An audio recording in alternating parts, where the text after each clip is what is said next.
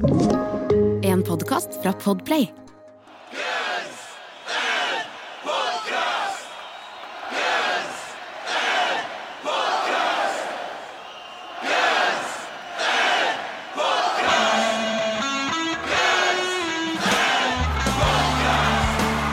Velkommen skal du være til ukas nye episode av Grønsen Podcast. Jeg er Jørn, Jeg er Eirik. og vi sitter her eh, hver uke med og eh, tar og dissekerer Guns N' Roses-låt, som vi egentlig begynte med lenge før vi hadde en podcast. Det var jo eh, Vi satt sånn med veldig mange forskjellige låter. Vi satt bare og, og drakk og spilte musikk for hverandre, og, og, så, og så diskuterte vi, Eirik. Så diskuterte vi og krangla og ga karakterer, og du ble sur og Ja. kasta ting. Og så Ja, du knuste en tallerken en tallerken. Men så fant vi ut kanskje dette her kan funke i podcastform, og det gjør vel kanskje det litt. For oss funker jo som For oss funker det, ja. Og det er et par stykker som liker det òg, så det, det er hyggelig, det.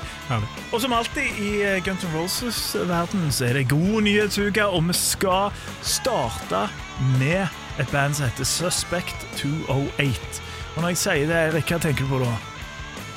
Jeg tenker jo ikke altså, jeg vet, Nå vet jo jeg hva det er. Ja. Det er ikke verdens kuleste bandnavn, er det det? Det er veldig sånn un ungdommens kulturmønster. Ja, jeg føler jeg har spilt i mange band som heter Suspect 208.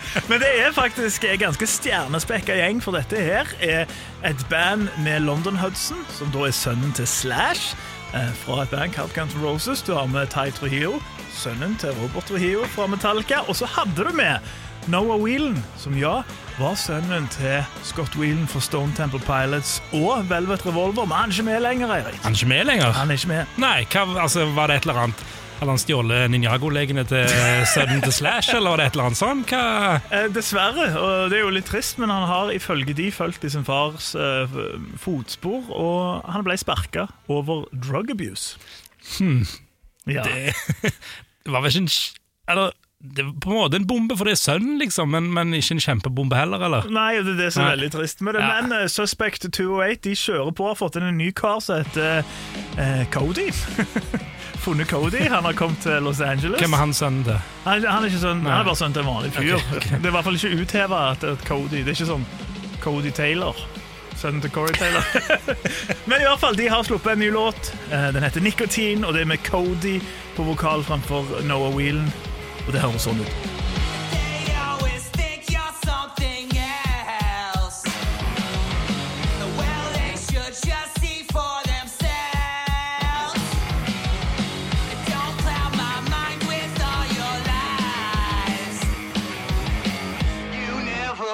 To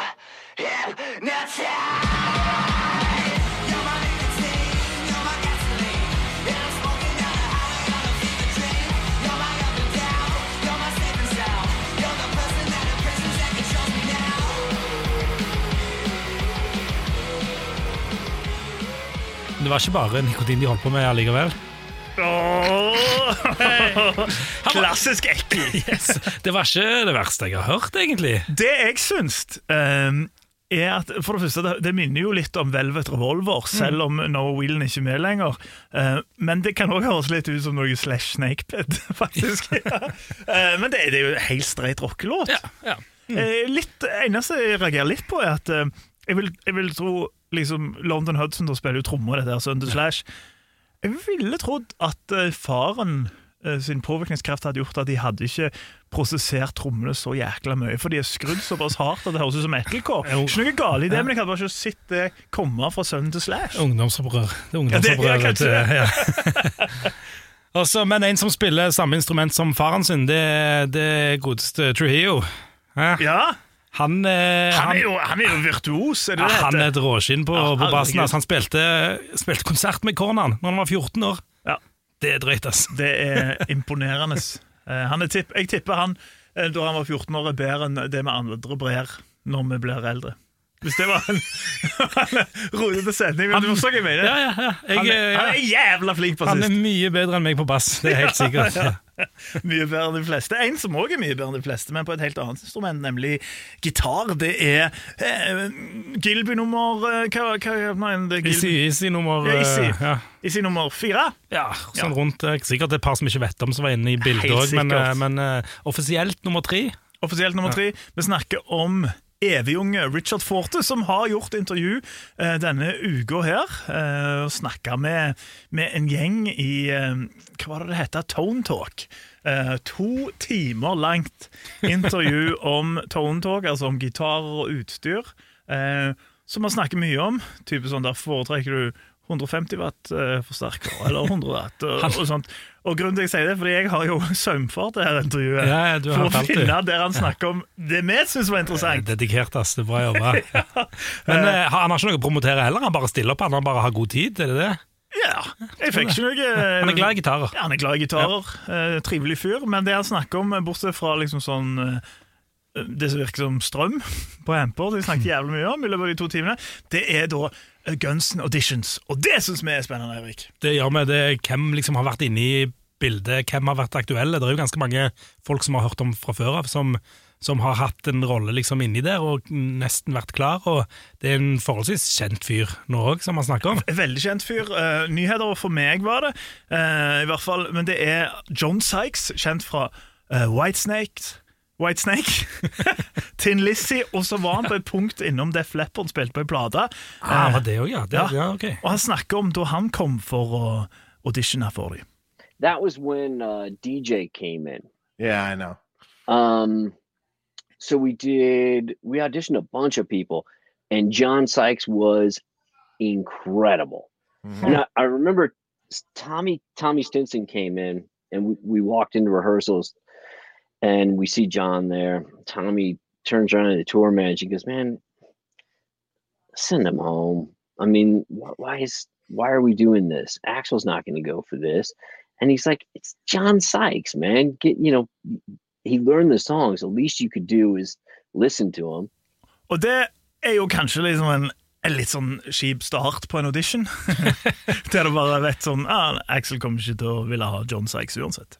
Det er et dårlig utgangspunkt, egentlig. Ja, Ja. det er et dårlig utgangspunkt, men, men godeste Fortussen forteller videre om Fordi han, han overtalte jo Stinson da. Det er bare sånn, ja, La han spille dette John Sykes og Whitesnake. Jeg syns han fortjener Jeg også synes han fortjente å få lov til å spille de der sangene han lærer seg. Og det gjorde han. So Tommy's all right, fine. So we go in the room, and within two minutes, Tommy is looking over at me like, "Oh my god!" I mean, he was just, it, it was, it was incredible, incredible, I know. I wish I could have seen that one. and just plugged straight into the amp yeah. and just, just killed it. His tone was incredible, and uh, That's man, what I heard. That's what I heard. I heard from I think some other people that were working for the band at the time, the and Uh-huh. things, that are just going, "Oh my god, he came in and just killed it." It's not going to happen. Yeah. Yeah, our jaws were on the ground. Og eh, Jeg syns det er bra når han sier sånn der Oh my God, you killed it. It's not gonna happen. Ja. sånn. Men jeg lurer liksom på hvorfor det ikke er det noe mer altså, jeg, nå, nå ikke dette, jeg kjenner ikke veldig godt til han, jeg kjenner til bandet hans nat naturligvis, men jeg kjenner ikke til han sånn John Sykes uh, så veldig mye personlig. Altså, hvorfor kunne det ikke skje? liksom? Var det fordi at han spilte i Whitesnake det ikke var kult nok, eller? eh? Altså, jeg, jeg kjenner ikke helt uh, spesielt mye til det sjøl, men det jeg eneste finne ut av, at han har hatt en veldig sånn krangel, eh, bitter feud med David Coverdale etter han fikk fyken, I guess, fra Whitesnake. Men jeg fant ikke så mye mer. Eh, det kan jo være at, at liksom, For han sier uh, Fortus fortsetter intervjuet, så sier han that his repetition proceeds. Så kanskje yeah. at han går for å være en ganske mye sterk meninger. da. Yeah. Kanskje Axel ikke vil ha noe med sterke meninger, all den tid han har kvitta seg med ganske mange av de i forkant. Tror, du, tror du at det kunne blitt et problem hvis det var en som kom med sterke meninger? Nei, men kanskje ikke. Jeg kan ikke se for meg at de er Men ja, han killed it, og som. Fortus skriver rett, eller sier rett inn i forsterkeren, eh, og bare får den tonen som sikkert Ja. må si siden det heter tone talk, antar jeg. Men så valgte de en annen da, Eirik. Ja, og når jeg liksom hører om eh, at han naila det så jævlig liksom på, på audition, Ja, ja. så begynner jeg å drømme litt om hvordan det kunne ha sett ut. Og John Sykes ser ganske mye mer rocka ut òg. Han gjør det, ass. Ja. Uh, og jeg, altså jeg, Av og til så tenker jeg sånn Jeg snakker mye dritt om DJ Ashba, liksom.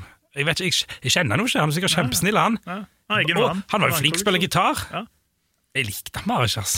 Nei, Nei. Uh, men jeg, jeg tipper at det handler om det, som de sier, eller som Fortus sier her i intervjuet. liksom Axel not gonna go for this. Stinson fra Replacements der visste det. liksom Vil ha en føyelig type. Jeg tipper Ashby var føyelig type. Tenk deg da, du er John Sykes. uh, du har spilt i Whitesnakes. Whitesnake hver gang. Men, men liksom, han spiller jo på plater med Here I Go Again. Han har co-skrevet den. sant? Ja. Han har spilt i Tin Lizzie, og han har vært med på Adrenalize Def Leppard, og sikkert fullt i andre ting som jeg ikke vet om. Da har du Du kommer inn der med en viss respekt, Ja. Mm. sant? og du har sikkert ganske klare meninger sjøl, og Axel vil kanskje ikke ha det. Nei, også en ting til som jeg har tenkt litt på nå etterpå, var at han hadde jo ikke noe på hodet. Han hadde ikke noen hatt. Nei, det hadde ikke. Så, så altså, det var sikkert det var egentlig kanskje så enkelt som Kanskje, det, da. ja, det kanskje var der at liksom, Fortus ikke nevner det, men at de har sagt sånn Great audition, John Sykes. Uh, would you be able to wear this bowler hat? Bare sånn, no. I want to show my curls. Og de bare sånn Axel, not gonna go for this! Eller kanskje det var enda verre at kanskje bare det Han kommer ikke med hatt, da får han ikke være med. Ja. Han får ikke muligheten heller. Liksom. Du skal bare ha det. Fordi han er jo en typecaster, Axel Rose. Altså, Det, virker jo han sånn. har hadde funnet sin Issy, Ja. og han hadde jo fullt de forskjellige former for slash med hatter på. Og døff. Og døff, ja. Ja. Stinsen er jo døff. Ja.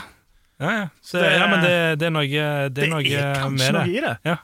Det er det. Han gikk litt vekk fra denne blonde, blonde trommisen etter hvert, men, Ja, eh, men det er jo greia òg, da. Uh, John Sykes på 80-tallet med Whitesnake ser jo ut som Steven Adler. ja. Han har de der eh, krøllene. Eh, så jeg vet ikke, Kanskje det var for dårlige minner. Jeg vet ikke. Men det skjedde nå i hvert fall aldri. Men nå skal vi gå vekk fra jeg holdt på å si Vi skal gå vekk fra fortida og inn i fremtida. Det skal vi ikke. Vi skal gå enda lenger tilbake i tid. For i dag så har vi rett og slett andre singel fra Use Illusion 1, Live and Let Die.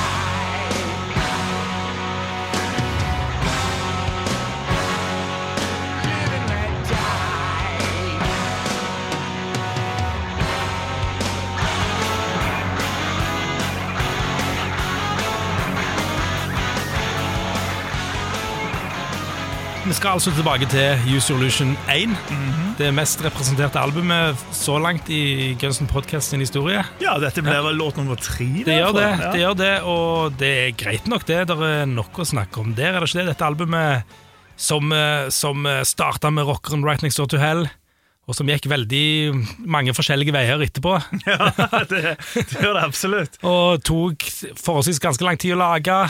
Ja, Eh, Nye medlemmer inn. Dizzie Reel Ja. kommer inn, Axel har piano, eh, Axel introduserer um, synthesizers. Matt Soren kommer inn på trommene for, for Steven Adler. Og det er jo en sånn dragkamp gjennom hele platene, eh, både én og to, der liksom kanskje Slash og Issy vil holde det mer rockete. Sikkert Duff òg, vil jeg tro. Og, og Axel på sin side vil mer i sånn Queen Elton John-land. Ja. Han vil kjøre grandiose rockelåter. Så det blir jo Det tar jo, selv om det kanskje strengt tatt ikke er andre albumet, så tar det jo det der utsagnet det vanskelige andre albumet Ja, til helt nytt ja. nivå.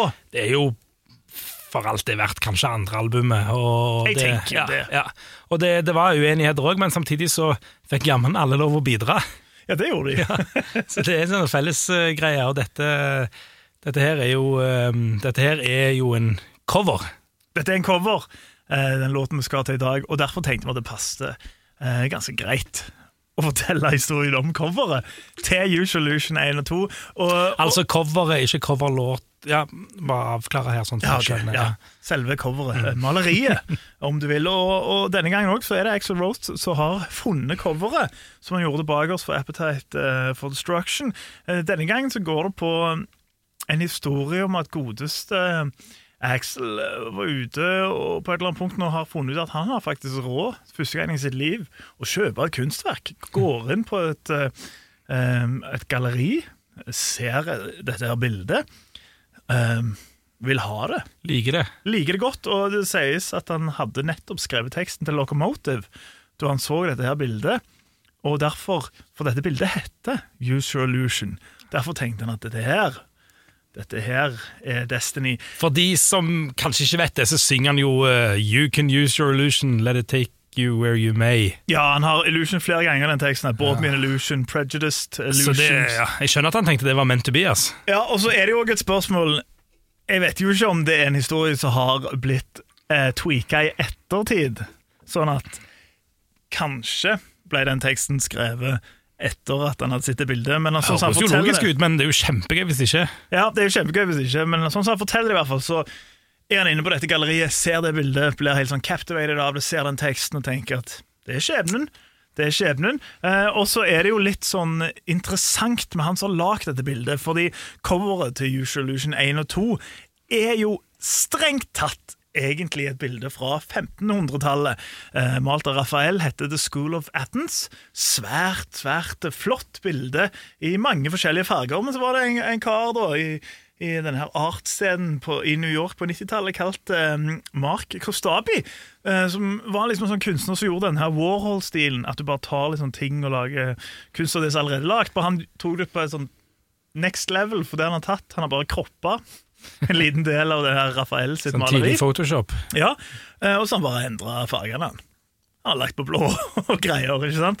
Eh, og Axel har jo sagt i intervjuet at han var klar over dette her, og at det er jo det er jo litt sånn kontroverser rundt det, men han bare Han syntes det var kunst, og han forelska seg i det, og så tok det litt overtaling til å få de andre med på at dette var coveret, men etter hvert så skjer det. Og, Kostabin, eh, selv om altså der, Han er jo en litt sånn kontroversiell skikkelse, for noen mener han er en litt sånn con-artist, for han hadde visstnok eh, flere assistenter som òg drev på og kropper fargela fullt i greier. Men jeg har lagd cover for bl.a.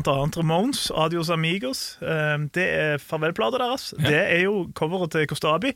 Jeg vet ikke origin der, om det òg er Rafael fra 1500-tallet, men han har gjort det er Michelangelo. Ja, det. det er Michelangelo, det. Men, men det som er litt gøy, det er at Al Niven, eh, tidligere manageren, prater om dette her i eh, diverse selvbiografiintervjuer i ettertida, eh, er at dette her, siden det var fra 1500-tallet, dette originalmaleriet til Rafael, som Axel kjøpte for ganske mye for en aldri så liten formue, det er jo public domain.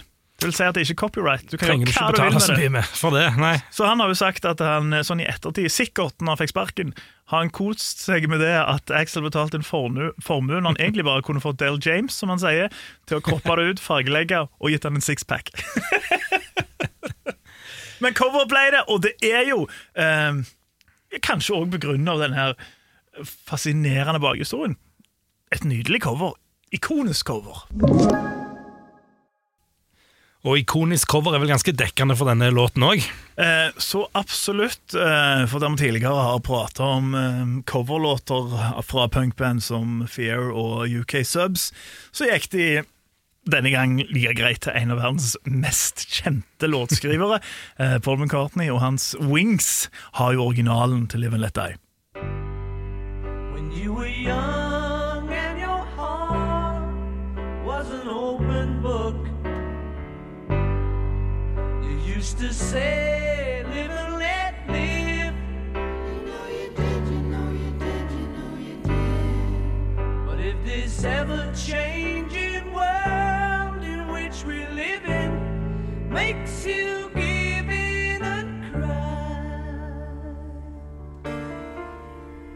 Say, live and let die.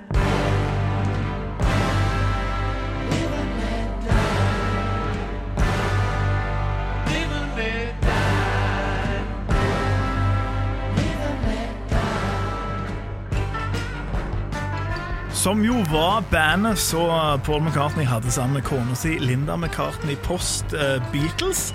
Ehm, uten at jeg er noen Wings-ekspert, eh, så kaster jeg det ut der. De hadde mediumsuksess. De hadde denne låta, som ble svær. eh, og da hadde de òg godeste Band on the Run. Det er de to jeg kan. Ja, jeg ja. kan ikke nevne flere. Det kan være at det sitter Wings-eksperter der ute nå, eh, sinte, forbanna over at når først Wings blir nevnt i 2021, så sier vi helt feil. I så fall beklager vi, vi har ikke nok uh, kjennskap om Wings. Men Da kan de ta det i sin egen podkast, Wingsen Podcast. ja, ja. Buffalo and Wings.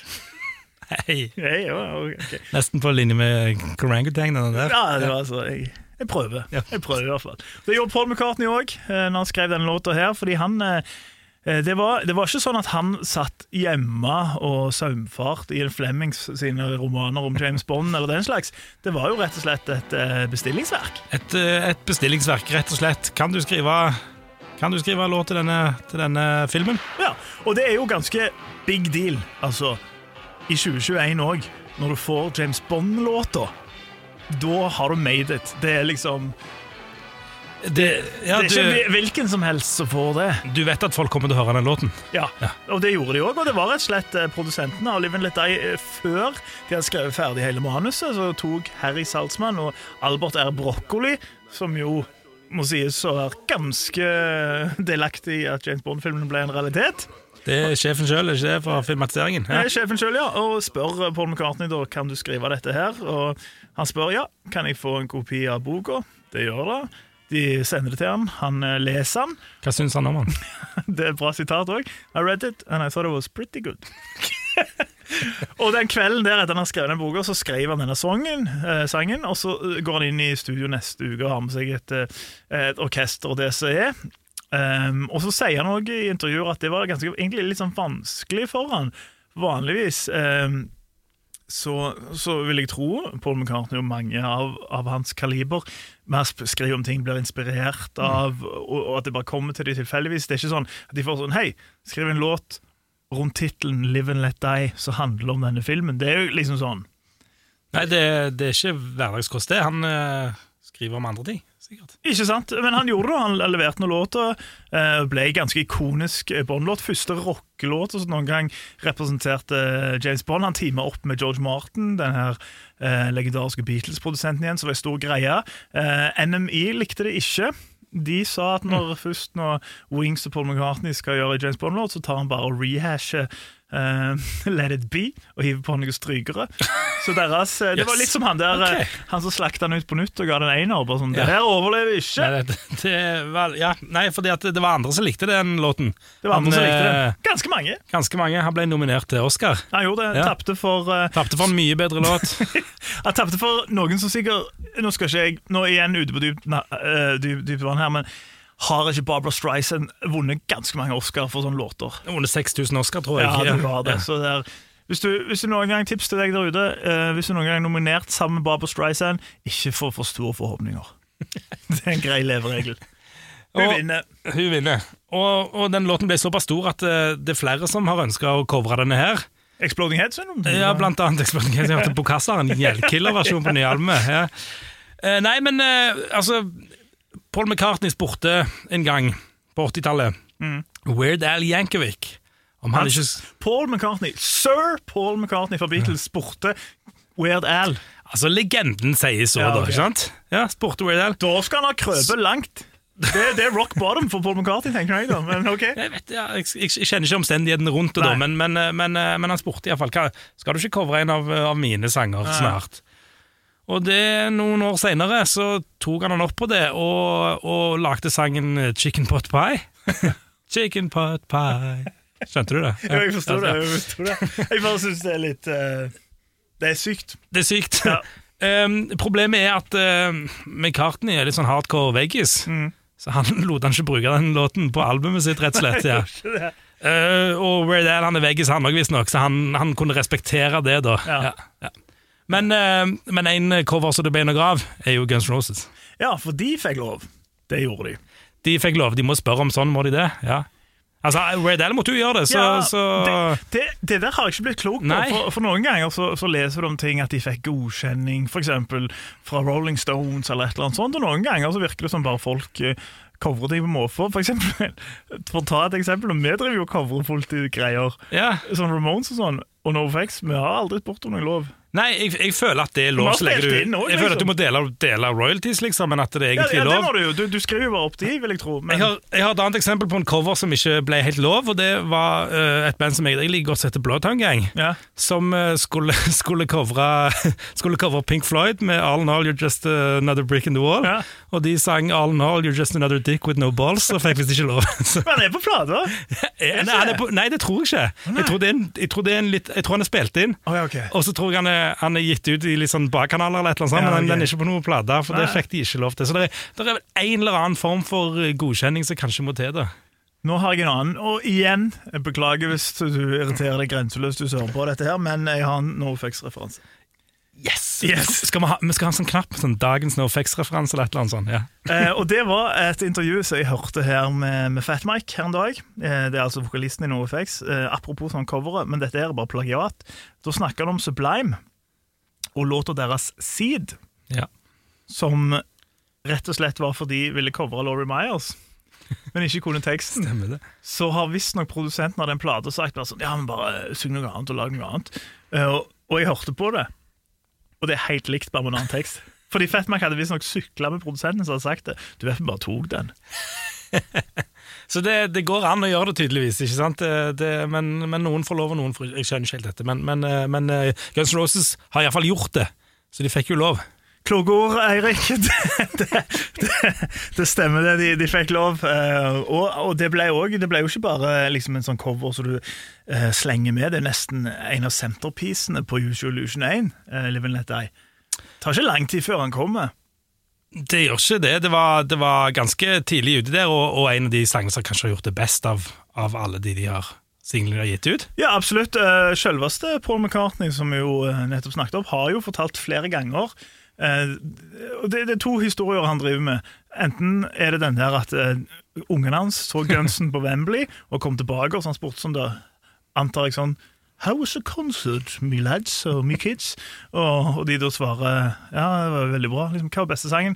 Live and Let Die. Og så ifølge han sjøl sagt sånn I wrote that. Og da har de sagt Yeah, that right. Og ikke trodd på han. Så han har òg en visstnok der ungene hans har kommet hjem og sagt at uh, at de har snakket om at My dad wrote Live and Let Die, og da har folk i klassen på skolen sagt Yeah, right. Så jeg vet ikke helt. Men det høres jo ut så jeg, For de har altså Selv om Det er så fascinerende, for selv om Guns N' Roses Bortsett fra den reggae-biten i originalversjonen til Wings, så går de ikke langt fra originalen. Altså, De ligger seg tett opp til det, de bare gjør mer heavy og rocka. Men de har gjort den til sin egen, og vel så det. Og det er dette vi snakker om, om en god cover, den skal du gjøre til din egen. ikke sant? Du skal, du skal ta det beste fra den sangen som originalsangen, og så skal du løfte den bitte litt, og det må vi jo si at de har, har gjort. Men hvorfor var det de valgte denne låten, egentlig? Nei, det, altså, det var vel en slags sånn felles eh, elsk eh, for, for denne låta her, og så tar jo Axl Rose og nevner dette her eh, i samme intervju for øvrig der han prater om, om Coma med Kurt Loder, Famous Last Words fra MTV på sånn, eh, i 1990, tror jeg. Da snakker han om inkluderingen av Live and Let Die. I don't know. I was watching the. Uh, I thought about it once a long time ago, but just thought you never able, able to get that the way it sounds. Just that done that well. And then I was watching. Uh, I'd rented the movie and I was watching it, and I just went, "This this song sounds like Welcome to the Jungle too." you know, it's like now that you're here, so. And it, ju- it just felt right. So we ended up playing it a little bit in rehearsal, and it started working. And now that we actually have gone in and started recording it, you know, we're finding out that wait, we are good enough to play this song. Yeah. You know, we didn't think we were. Og det er vel, eh, det er vel ingen tvil i at de, de var gode nok til å covre Live and Let Die, og det virker jo òg i det intervjuet her, så fortsetter jo Axel å snakke om at eh, at uh, han er veldig glad i låta fordi at det på en måte han ser for seg at det er en slags sånn Tom Waits uh, møter Metallica. Det er sånn han velger å beskrive deres cover. Eh, jeg kan for så vidt forstå det pga. han litt sånn raspete vokal og heavinessen i den uh, låta her. Ja, absolutt. Det er akkurat som vi skulle sagt selv, Tom Waits møter Metallica. Ja. Og I et intervju med, med Rockline også på begynnelsen av 90-tallet, så sa han at en annen grunn til å velge den låten var at uh, han hadde lest en artikkel i en, en eller annen uh, unnamed LA-avis som gikk gjennom uh, James Bond-låtene, Som en ofte gjør. Ja. som de ofte gjør, ja, og sa at dette var den svakeste. Og det var han jo uenig i, så sa han ok, da skal vi lage en jævla bra versjon, og så skal du måtte høre den i fem år til. Det, er, det, det er ikke den svakeste. Nei, er du vel langt ifra? Nei, det ja, ja, nei, altså det, det var både meg og deg og Axel enig i. Ja, altså, absolutt. Eh, og Slash også har jo snakket om dette her, at eh, både han og Axel hadde funnet ut sånn samtidig at begge to likte den låta rundt når de, når de skulle hive inn uh, Knock on Heaven's Door, så de hadde spilt litt rundt. Sånn, Så ble det til at de skulle gjøre den heavy. Eh, og det er jo ei låt som de har hatt lenge òg, før Usual Illusion. Eh, det er jo faktisk eh, et intervju med Mark Cantor, som er jo venn av bandet der han snakker om at rundt 1989, da de hadde fire show med Rolling Stones, var visstnok Axl Rose eh, veldig gira over at de skulle premiere eh, coveren sin av Live and Let Die. Nå vet vi jo at eh, de eh, showene der var jo litt problematiske. Gikk ikke helt så planlagt. De gikk er ikke helt så planlagt, og det ble aldri heller noen premiere på Live and Let Die, men i hvert fall ifølge han så var den coveren eh, i tankene, og ferdig eh, arrangert og spilt inn, eller ikke spilt inn, øvd inn på det tidspunktet. Ja, og De lekte jo med disse tankene om, å, om, å, det var, om det var coveralbum eller om det var en serie med EP-er hvor det var, hvor det var en eh, funk-EP, Ja. punk-EP, én rap rap. Ja, en rap. Det er ikke vanskelig å vite hvem som ville det, kanskje, og, én en rock, da. Så denne her gikk vel kanskje inn på rock, eh, hadde vel kanskje gått inn på rock-EP-en, da, men, men så ble noen noen sanger ble med på Use Solution, og noen gikk videre til, til Spaghetti Incident. Mm, og du hører jo òg her med, med Loaderen, han snakker om at han, når han hørte han, liksom ser på han som Welcome to the Jungle 2, da kan du jo se hvor uh, mye Axel legger i den coveren, for det var ikke liksom en sånn Vi skal fylle litt tid, tar med en Nei, cover. nei, nei. Dette, altså det, den eh, Jeg tipper han sikkert i hodet sitt sidestiller den omtrent nesten med November Rain. Faen ikke langt unna. Tror du, tror du? Ja, ja, kanskje. Det kanskje å eh, på. Det er, liksom, ja. det er ikke tilfeldig at de covrer den. Nei, jeg tror at de, de, tror de tenkte at eh, ja, vi får prøve. Det, er ikke, altså, det er ikke sikkert vi klarer denne, men, men vi prøver. Ja. Og så, og så Og når, når det ble bra, så det, føles det ganske godt. Sikkert, Ikke sant? Ja, for Når de først greier det, så er det liksom sånn Yes. Eh, og Det som også er interessant med denne låta, her, synes jeg, det er jo at eh, Slash i, i, i selvbiografien sin eh, bruker jo liksom ganske mye tid på å hylle Axel og programmeringskunnskapen og synthesizer-kunnskapene sine, for han sier sånn der Alle de horna du, du hører på Live and Let Die, det er sunt. Det er Axel, han er geni. Det høres helt ekte ut. Ja, det er helt fantastisk. Eh, og så er det jo litt sånn rart med akkurat det, fordi der Slash står og snakker om det, og hvor flink Axel er til å programmere synt, eh, så er jo blant annet Duff sin bror Matthew McKagan og tre andre kreditert for å spille horn på den låta. Så jeg vet ikke helt, jeg. Det er ikke, kanskje de spilte det inn, og så la Axel det inn på keyboardet sitt Ja, ja. og la det over. Nei, det vet ikke, men det, de, det passer ikke helt sammen, de to, de to historiene der. Da, så, Nei, nei, for han, han drar det jo fram òg når han snakker om eh, Når han snakker om at det er vel bare på Knocking og koma at de henter inn Uh, utenforstående, Mm, eh, som ikke er helt mening. Den EKG-maskinen på Coma og noe greier på Knocking, men ikke disse hornene, da. Kanskje Slash ikke var der når de spilte den. Jeg vet ikke. Jeg bare forstår Litt sånn. Axel sa nei, det er, ikke, det er ikke med noe annet her. Det er ingen, ingen andre er med. Og så bare så var alle, absolutt alle Axel kjente, var iallfall med på en eller annen måte på, det, på disse albumene. De var det. Eh, så, så ja, vi vet jo egentlig ikke. De er nå kreditert i hvert fall fire stykker som spiller horn. Slash Mm. eh, sier at det er Axel som har gjort det. Og Slash, uh, Axel på sin side sier jo at disse Uh, strykerne det er Slash på gitar med en slags sånn harmonizer-effekt. Ja. Eh, så, så det virker nå i hvert fall stemme, for det er ikke kreditert noen strykere. Nei, vi får tro på det. Får tro på det ja. Og eh, det er òg en annen fyr som er med her, på, som er kreditert som var med på vokal. Ja, på, på bakgrunnsvokal. Eh, han er vel med på flere låter på Usual Illusion-platene.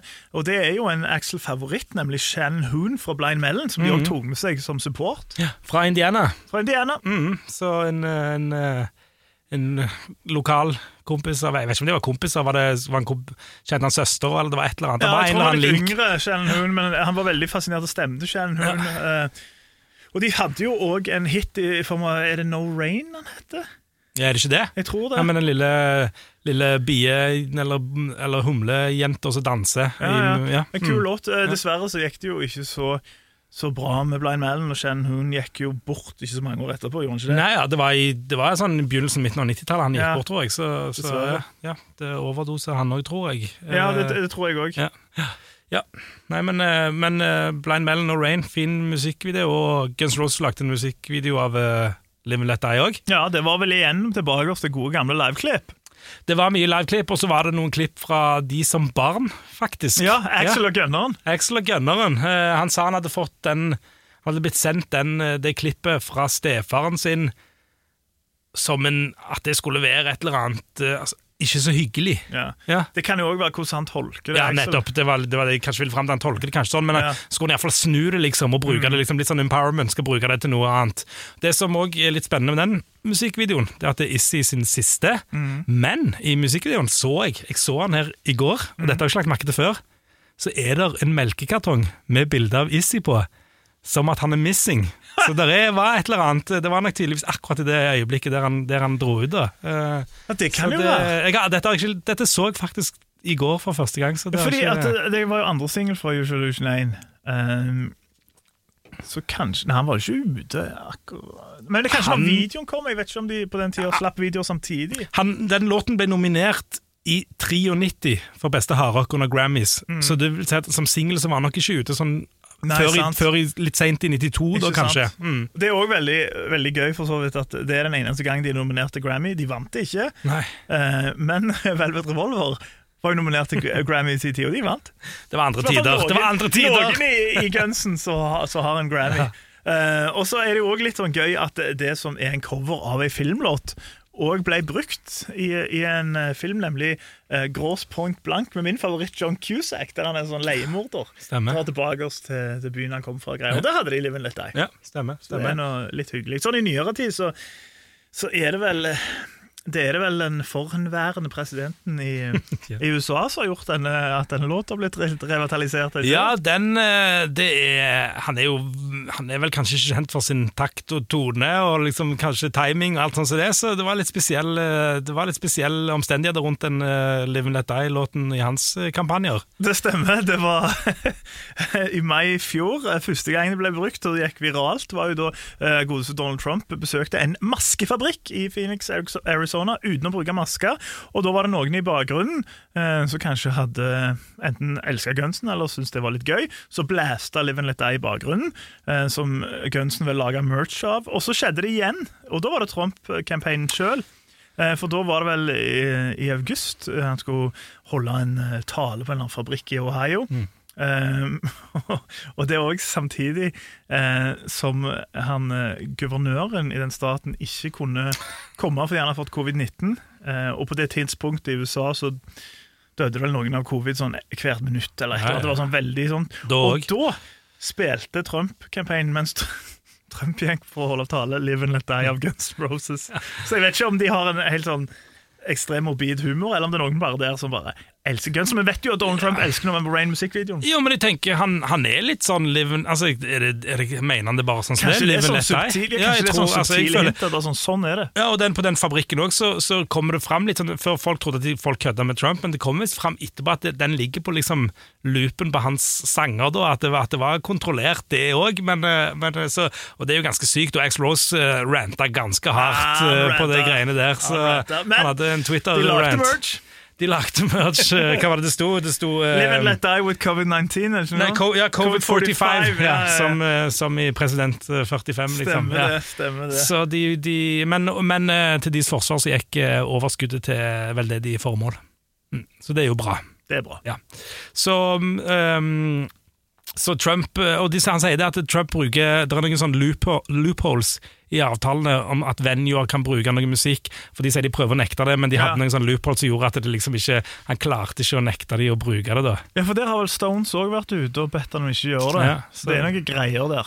Og han har uh, disse dyre advokatene som sikkert ordner et eller annet. Ja. Men, uh. Men apropos uh, rants, så er jo dette selve rant-låten. Det er jo det, og det var, det, det var jo noe Axel Rose var glad i før. I hvert fall Kanskje ikke så mye nå lenger, men han likte jo å rante på mange ting. Men han likte spesielt godt å rante eh, før den låta, fordi at det ender så bra når han eksempel alltid kan si sånn And those people can live and let die. Sånn så begynner de. Eh, og i dag har vi funnet en, en fin en. Den er egentlig fem minutter, så du får bare noen sekunder her, men det er en fin en fra Oklahoma i 92, der han ranter i vei om at Det handler vel om at folk ikke vil du skal lykkes, og de kan live and let die. Det er vel det. And I know it's not like the most humane thing, but you can, uh, when it gets real rough, you can think of a little theme song that somebody else wrote, namely Mr. Paul McCartney. And when they're trying to keep you down, just hold on and know that someday you'll bust out, you'll get onto your own shit, and they won't be able to fucking keep up with your ass. And you can be thinking, just live and let die, motherfucker. Livscoachen der og motivational speaker Axel Rose. Ja, for det er sånn, Han bruker fem minutter på det her. Eh, han var jo glad i dette her for Live and Let Die. Men det han egentlig sier, selv om han liksom hiver inn eh, eh, eksempel ting de kan gjøre, de som er imot han, så er det jo egentlig selve liksom, essensen i det egentlig mer bare sånn Du kan få til det du vil, du. Ikke la noen stoppe Ja, deg. nei, det- Det er det han sier. Det er bra, det. Eh, han bare sier det på Exo Rose-måten. Så egentlig det det er fin moral. Det er artig, for det, det var en sånn greie på disse konsertene. Live Let Die ofte sang nummer tre, eventuelt fire. Ja. Eh, showet Noen ganger har ikke showet begynt, og så er It's So- Easy Mr. Brownstone, så har du spilt i fire minutter omtrent. og, så, og så kom X Rose, og så, og så, og så ranta i kanskje ti minutter noen Ja, ganger. Og, du, og dette her i den mest sånn eksplosive tiden, ja. når, når, når virkelig det kunne bli riots og det kunne bli kanselleringer tid som helst, så du ser at resten av gjengen bare står der, og de er nødt til å være klar, for det, han kan snakke i to minutter, og han Ja. kan snakke i ti minutter. Og Han når han sier Not liksom. Die', så må sangen starte. Og de, du bare ser bandet bare stå, du bare kjenner liksom spenningen er litt sånn Hva sier han, og hva gjør han, og hvordan kommer dette til å gå? liksom, Og sånn han sier 'Live er med litt, kanskje litt sånn smil rundt munnen, så er det litt sånn Åh, det, var, det nå kan bra. vi Ja. spille, i hvert fall. Nå er det litt patience. Så jeg tipper også, Matt Sorum har jo snakket i, mm, i selvbiografien sin om det her lille rommet han hadde under trommereiser. Med liksom sånn, der han hadde sånn liten lounge med drikke. Jeg tipper han tørde ikke å gå ned. Nei, jeg tror ikke det. Jeg tror ikke det. Ja, kanskje det er Slash-soloen, hvis han spiller sånn gudfaren. Ja. Nei, Da tar det noen minutter. Nei, men de, de, var, de måtte være på tå hev der, altså kunne ikke bomme på en bit hvis han var klar til å spille. Så Kunne skulle ikke, de men det spille. er jo altså sånn Hvis jeg hadde sett det der i levende live, hørt en sånn lang Axel rant og så gått inn i det, det hadde jo vært utrolig magisk. Ja, Det er kjempegøy å høre på nå. Det, neste, det er like gøy som å høre på selve konserten. Ja, ja. På det, alt det, han sier. du- På det, på det tidspunktet Du vet jo ikke hva som kommer ut. Nei, du gjør ikke det. Du gjør, Eh, du Det er noe, det, det er noe sånn, helt sånn magisk, krakilsk med det. Og Noen ganger så er det bare sånn, bare ser du at han er kjempe, kjempesinna, og så ser du at han henter seg inn på en eller annen, I løpet av den ranten så henter han seg bitte litt inn. og Det, Ja. er utrolig fascinerende å se Ja, det, er det. Det, det er nydelig. Og andre så er kjempesinna. Jeg vet ikke om de er kjempesinna, men eh, vi skal jo over nå til eh, karaktergjevinga. Vår høyst subjektive karaktergjevinga. Så var det jo, var det jo litt, um, litt reaksjoner Eller det har det vært jevnt og trutt over vårt poengsystem, fordi eh, folk ikke helt forstår det. Og da kan vi vel være de første til å si at vi helt forstår det ikke sjøl. Det er ikke som vi har sittet og planlagt dette greiene. Uh, live and let die, sier jeg til det. Nei, men har ikke, altså, kjent, uh, det, jeg skjønner Jeg har ikke noe, jeg har ikke noe um, jeg, har, jeg skjønner at folk kanskje ikke helt skjønner det. Ja, Ja, jeg, det, jeg, men jeg har tenkt, og det er litt sånn fascinerende, det, og det er jo kudos til, til vårt publikum, da, eh, vanligvis. Så tenker jo jeg sånn uansett Se hvis du, hvis du skriver en plateanmeldelse, det er så nyansert du får det, og bla, bla, bla, bla. Så kommer folk uansett i kommentarfeltet reagere på, på karakteren. det, ja. det er uansett Men her er det omvendt. Ja. Her er det bare liksom sånn Men du sa det! Jeg vet ikke hvorfor jeg hadde sånn weird bergensdialekt her, for det er jo primært trøndere som har hengt seg opp i det. Men, eh, men det, jeg syns det er litt sånn kjekt at de faktisk hører på det vi sier, da. Eh, Sånn sett. Men vi har jo Altså, vi har jo mye som legger til grunn. Vi har det, og, og det altså, altså Hovedpunktet her er vel at det er en særdeles subjektiv Ja. vurdering av Det kommer av, an på ja. dagsformen, det kommer an på hva du føler med akkurat den låta. Eh, og så har jeg òg liksom, Jeg tenker liksom sånn Det jeg syns er den beste plata, men, men samtidig Mm. For det var en som foreslo sånn Hva hvis du da tar for eksempel at du ganger platene som kommer fra Usolution 2 eller Appetite med sånn, og så ganger du de andre med noe lavere tall. Alt dette hvor du rangerer plata. Men det funker ikke det heller, for det er låter der som, som eksempel eh, er bedre enn plata de er på. Sant? Ja, Snakker om disse lovene? Men, men det er liksom sånn eh, Så jeg forstår at det er komplisert, men jeg har bare tenkt at uansett hva vi legger til grunn, når karakteren er ute, så er det der som står. Ja, og, det, og, og en, en, eh, en åtterlåt på For meg en åtterlåt på Appetite for Destruction liker jeg like godt som en åtterlåt på, på Chinese Democracy. Det er bare, men sant? Noen Appetite for Destruction-låter har du hørt i 40 år, og da, da, da mister det kanskje bitte litt av den greia, av den, på, den subjektiviteten, nå, men det betyr ikke at de er dårligere låter nødvendigvis enn de andre. Og en, det er mange låter på Chinese Democracy som er utrolig spennende, fordi at jeg har ikke hørt de så mye, de har ikke vært spilt så mye. Og, det, og da, sånn blir det, men det, og det, det, er, det er, sikkert- subjektivt. Ja, det, er, og det er sikkert vanskelig å, forstå.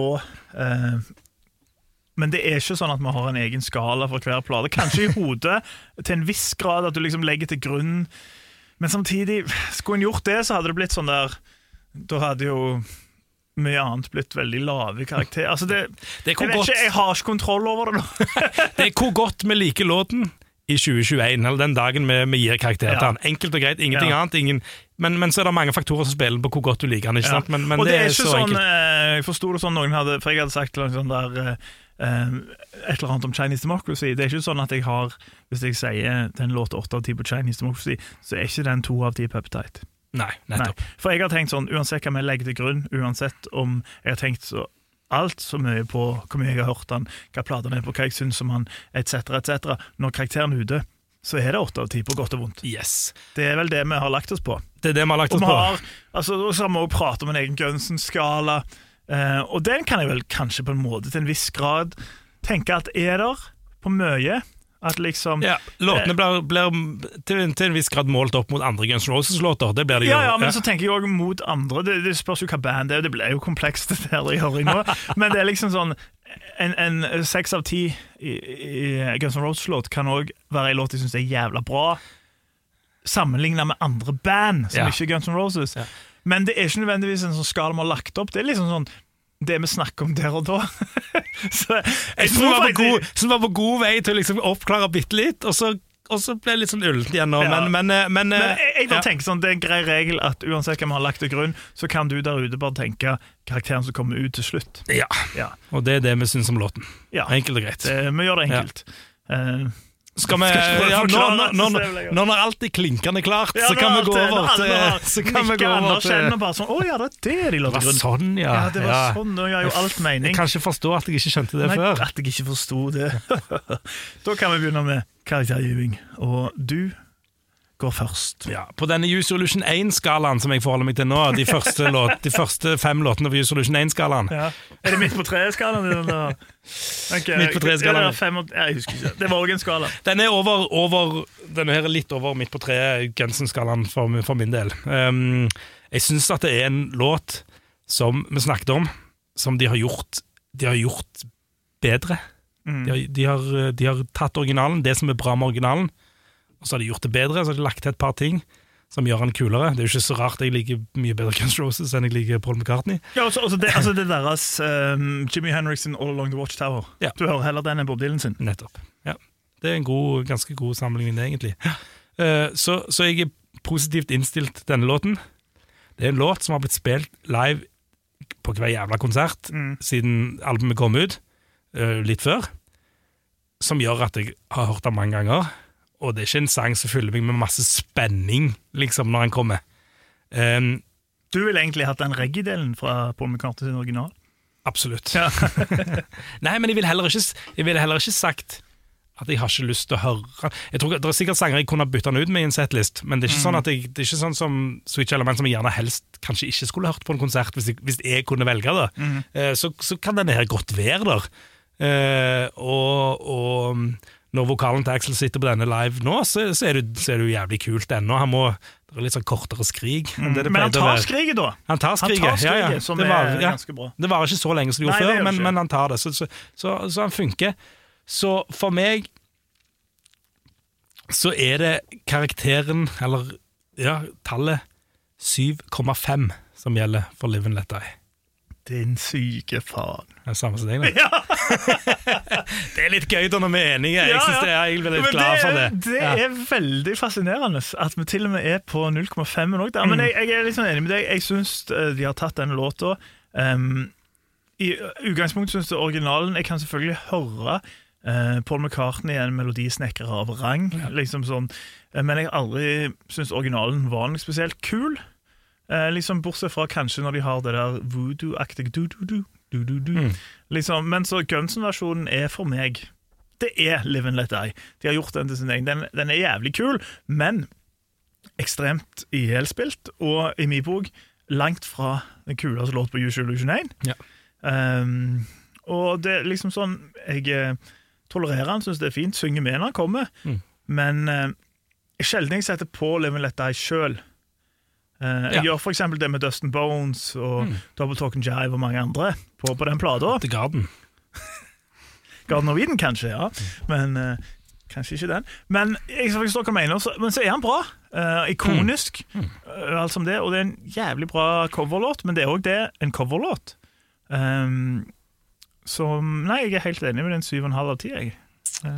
Fullstendig harmoni Ja, her i studio. er det fullstendig harmoni. Ja. Det, det må jeg si. Så bra. Eh, sikkert ikke fullstendig harmoni over vårt eh, poengsystem, men det er nå det er. Jeg tenker hva vi har lagt til grunn, så står det jo Det tallet som står, må jo være det gjeldende. Og du kan sette sangene opp mot hverandre på alle album, tenker jeg. Det er en syv, dette er en syv og en halv. Og der, altså Nå skal ikke vi gå inn på det, for det her, det her er en lang episode. Eh, men jeg eh, møter meg jo litt sjøl i døra eh, på enkelte ting der jeg eksempel har gitt 8 av 10 til Better for Chinese Democracy. Jeg syns det er kongelåt, men 8 av 10 på Resolution 2 Ja, ok, nå, nå Ja. kompliserer jeg det! Beklager. Beklager, Eh, beklager til, til alle som er i harnisk nå. Vi skal heller bare spille låter. 7,5 av 10 fra både Eirik og meg. En bra låt, er det. En bra, en bra låt! 7,5 er Ja. gull, det. Yes. Dette er Guns N' Roses' Live and Let Die fra Resolution 1.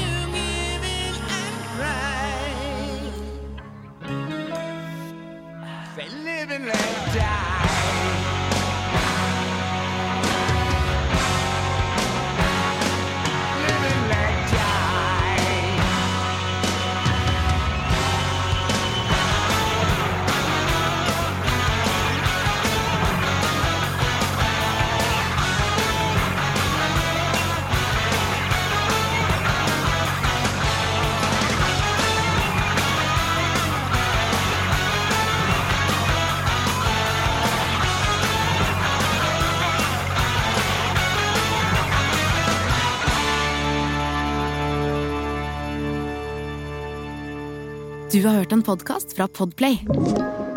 En enklere måte å høre podkast på. Last ned appen Podplay, eller se podplay.no.